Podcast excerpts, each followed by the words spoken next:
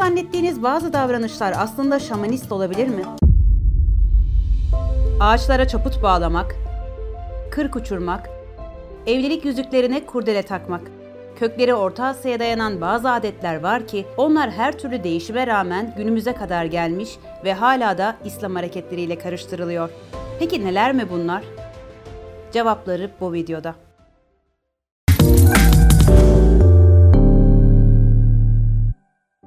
Allah yukarıdan bakıyor. Allah yukarıda sözünü siz de sık sık kullanıyor musunuz?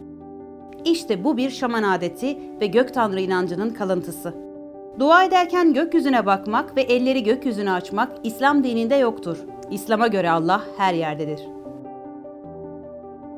Tahtaya vurmak Tahtaya vurma adeti şamanist bir hareket olup ağaçlık alanda kötü ruhların yaşadığına inanan, bu ruhların tahtaya sindiğini varsayan şamanların onları kaçırmak için yaptığı bir harekettir. Bizse bu hareketi korktuğumuz şey başımıza gelmesin diye yaparız. Nazar Nazarın İslam'la alakası yok. Hatta bazı Araplar nazar boncuğunu günah olarak bile değerlendirebiliyor. Nazar inanışı çok yaygın da olsa İslam'la alakası yok ve nazar bir şaman inanışı.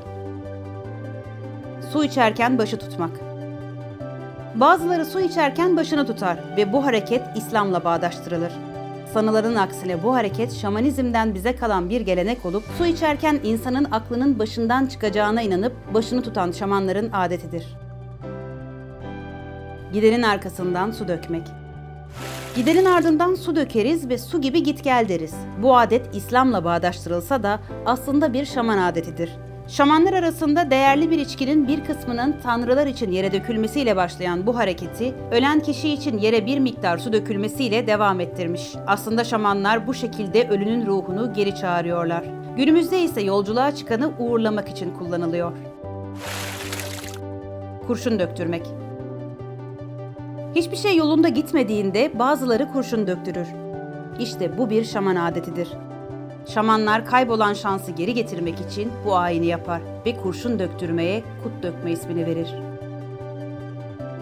Ölünün kırkının çıkması. Vefat edenin 40. günü ya da doğan bebeğin 40. günü İslam'a göre önemlidir. O gün mutlaka dualar okunur.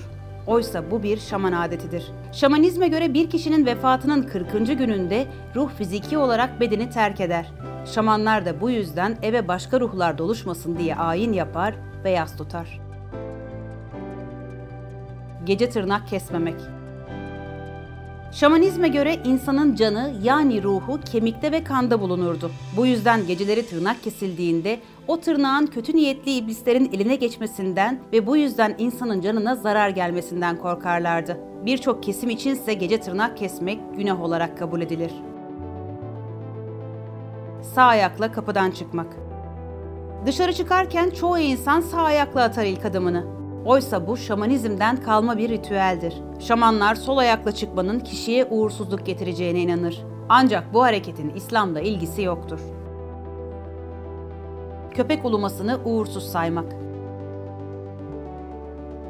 Köpek uluması pek çok kişi tarafından uğursuz sayılır ve acı bir haber getireceğine inanılır. Oysa bu bir şaman inanışıdır. Şamanizmde köpek yaşanacak bir ölümü önceden hisseder ve acı bir ulumayla haber verir. Pek çok kişi ise köpek ulumasını uğursuz görür ancak bunun İslam'la alakası yoktur.